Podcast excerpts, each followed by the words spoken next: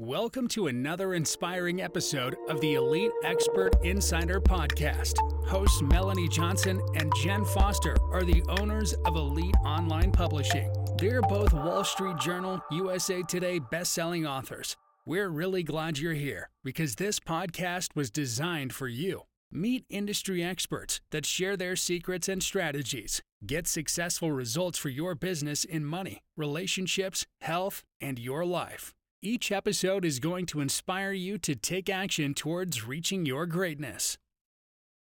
Hey everyone, welcome to the Elite Expert Insider Podcast. Today we have an amazing interview for you. Someone who is the top at her marketing career, and she is a Wall Street Journal best-selling author. And you wouldn't believe it, but she was actually Miss Michigan as well. So I'm really excited to introduce her. She's also a 16 time international bestselling author. So that means she has 16 books. She is an expert, and we're going to really dive into her marketing secrets today. Melanie Johnson, welcome. Thanks, Jen. Nice to see you, my co owner of Elite Online Publishing. It's always fun. So, we're doing like a reverse that you're interviewing me today. I love it. So, why don't we start with you telling us a little bit how you got into marketing and a little bit of your background? Yeah. So, you know, I never dreamt that I would be doing what I'm doing today. If someone said you're going to own a publishing company, I would be like, I don't know anything about publishing back then. Like it wasn't on my list of things. So, as you mentioned, I was Miss Michigan, I was a commercial actress. And then from there, I went into being a newscaster. So, I got my first job in television in Detroit at Channel 20, and I was a newscaster there and really got my feet wet in television broadcasting, where then I did public relations for them. I produced children's shows from them, other shows that I produced. And then my husband at the time, he got a license for a TV station in Houston, and it didn't have anything but the license, a piece of paper. So that was just such a unique experience building a TV station from the ground up. People say, Was that hard? I'm like, you know, it was the most fun, exhilarating, and challenging and difficult thing I'd ever done, all rolled into one and we, we had to get an office building that had to be remodeled. I was having to get construction, wallpaper, flooring, building a newsroom. We were 100% news, kind of like CNN, but local. So had to build a whole newsroom out, get all the staff for the news team and the reporters and the equipment. And oh, and then no one knew who we were. So we have to figure out, tell people who we are and you should watch us and what's our marketing campaign. And I always think it's fun. We had a friend of ours who owned uh, Love Advertising and just love her, Brenda Love, became friends with her. She was one of the first people to buy ad time on our TV station. And she had this shtick that she would do with one of the other people that she worked with, where they were like Texas women from East Texas and they had this old, whole shtick and she had me in tears when they did this at a dinner party at my house. So i created an ad for the tv station out of it and we won awards for it. So ah, you just never know where ideas are going to come from. And so at the tv station i was vice president there. I produced the morning show. I was a news anchor there. I even had my face on the front page of the newspaper as one of the most popular news anchors. So met a lot of celebrities with our morning show and then from there, we got another TV station in Dallas that did mostly infomercials. Our station then changed to doing all news into doing more of syndicated programming, but we had the Houston Rockets and the Astros on our TV station. And then during that time, my husband and I decided to build, well, we built a house, but it was a remodel. The house started out as 7,000 square feet. It turned into 25,000 square feet. Wow. And, and then we had adopted two boys. So I kind of transitioned to really taking over the construction of the house and being a mom to the two boys, but I still had my feet in the TV station. And then we built another house, a 13,000 square foot house up in Northern Michigan for our summer home. So, two monumental projects. And then life kind of changed as it does. Um, my husband and I separated, we're getting a divorce, and then the economy fell out in 2008. Right. A so lot during of that time homes during that time. Oh yeah, the home market just crashed and we were trying to sell our home because we had just gotten divorced and no one wanted to buy it. And then he declared bankruptcy, which was really difficult threw our whole divorce into a tailspin. No money was coming in. He was buying me out of the TV stations and our settlement. So it wasn't like I had this huge chunk of money. I was expecting income every month that stopped. And Airbnb didn't exist VRBO just started, and a friend of mine in Northern Michigan was renting their house on VRBO. And normally just realtors would rent houses. So I mm-hmm. decided to try it, put it up there. The realtors told me I would never rent my house. It was too big. I was asking too much money. So one realtor rented it for one week that summer. And I sold out the entire rest of the summer, all on VRBO, created wow. the house its own website. So then I thought, huh, I wonder if this would work in Texas. So I looked in Houston, there was really nothing listed except for apartments and small places. So here I put this giant 25,000 square foot mansion up on VRBO. And can I tell you, I started renting the house. And then from there, people were renting it for events. I was doing weddings there, I was doing wow. photo shoots there. So basically, the kids and I made a living. I paid for all my expenses and could live on the rental was over six figures that I was making between the two houses. I could pay the electric bill, I could pay the gas bill and the water bill right. because the judge at bankruptcy, which I wasn't in bankruptcy, just my former husband was, they were saying, well, you're probably going to have to move out in three weeks, six weeks, and a whole series of miracles that God put into place. I kept that house, both houses, for almost five years.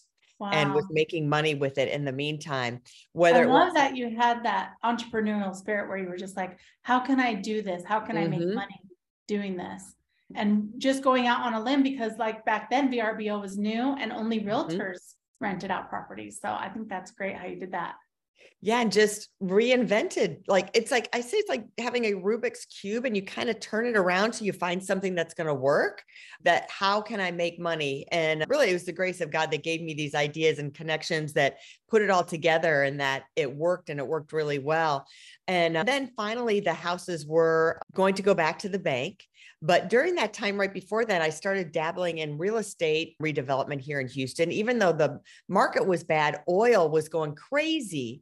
So I bought some land, partnered up with a group, and started tearing down old homes and putting three or four or six townhouses there and was doing that for a while. And then the partners I had turned out not to be the most honest people in the world. And then the market tanked um, oil started to go down. And so I really sold out of everything except for one piece of property. But right after, I want to back up, right when I got divorced, I thought that really television was not the future. I thought being online was the future in 2008. So I started Imagine Now Network, which was going to be like a mini television station online. And I was going to do infomercials there, things from YouTube there, do a variety of different things. But then when he filed for bankruptcy, I had to put that on hold. But I always felt that was the future. So I started diving into finding places that were teaching that because it's all about learning skills.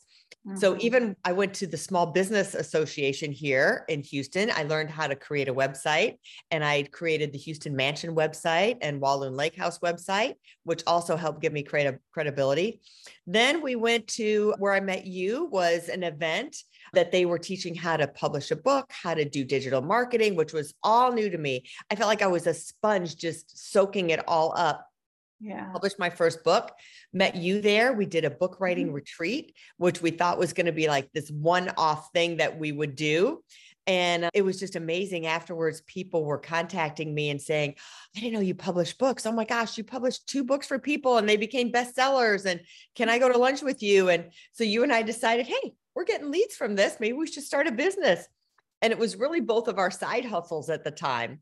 But yeah, then that the side hustle became yeah, our main. Right. Yeah. I've hustle. done a couple books and uh, for myself and then a couple books for some web design clients. And then it was like, oh yeah, the, this book writing retreat really boosted our publishing company. Yeah. And we did the retreat at a villa that I have down in the Dominican Republic. And I had turned that in. Again, it's how do you look at it? That I want, I knew I could resell it on Airbnb and VRBO, but the market was flooded with other people doing the same thing. So I came up with a concept that I would give it to charities to put in their mm-hmm. charity auction and raise money. And then I had a minimum on it, which would pay all my expenses and everything. And then I raised over 600,000 for charity doing that. So again, it's looking at things differently, not doing it the same way that everybody else is doing it. Mm-hmm. And I really feel that's what we do with our publishing company too. We yeah. try to do it different and be innovative and market people's brand and their book differently than other publishing companies are doing. Right. Well, what I hear from your stories is you really thought of outside the box from the beginning. So even before mm-hmm. you started your TV stations, you know, thinking outside the box because you started from scratch that TV station and turned it into a news company and then turned it into a, a TV station and then bought another one and did the same. And from there, every single thing you did was outside the box, you know? Yeah. It's like, oh, you're in that time, even just the real estate that you did and building those two houses, you have to have a lot of management and a lot of marketing for those and then marketing for the marketing and networking i should say because you got to have a lot of a really good team right for building a house right um, and knowing where to go and where to shop. And then for the airbnbs or the vrbo at then because you didn't airbnb it it was vrbo you know really knowing how to market that. And then i really love how when it came time to market your charity auctions you were how can i use this time? It was what is it? A, a villa right? You had a villa. Mm-hmm.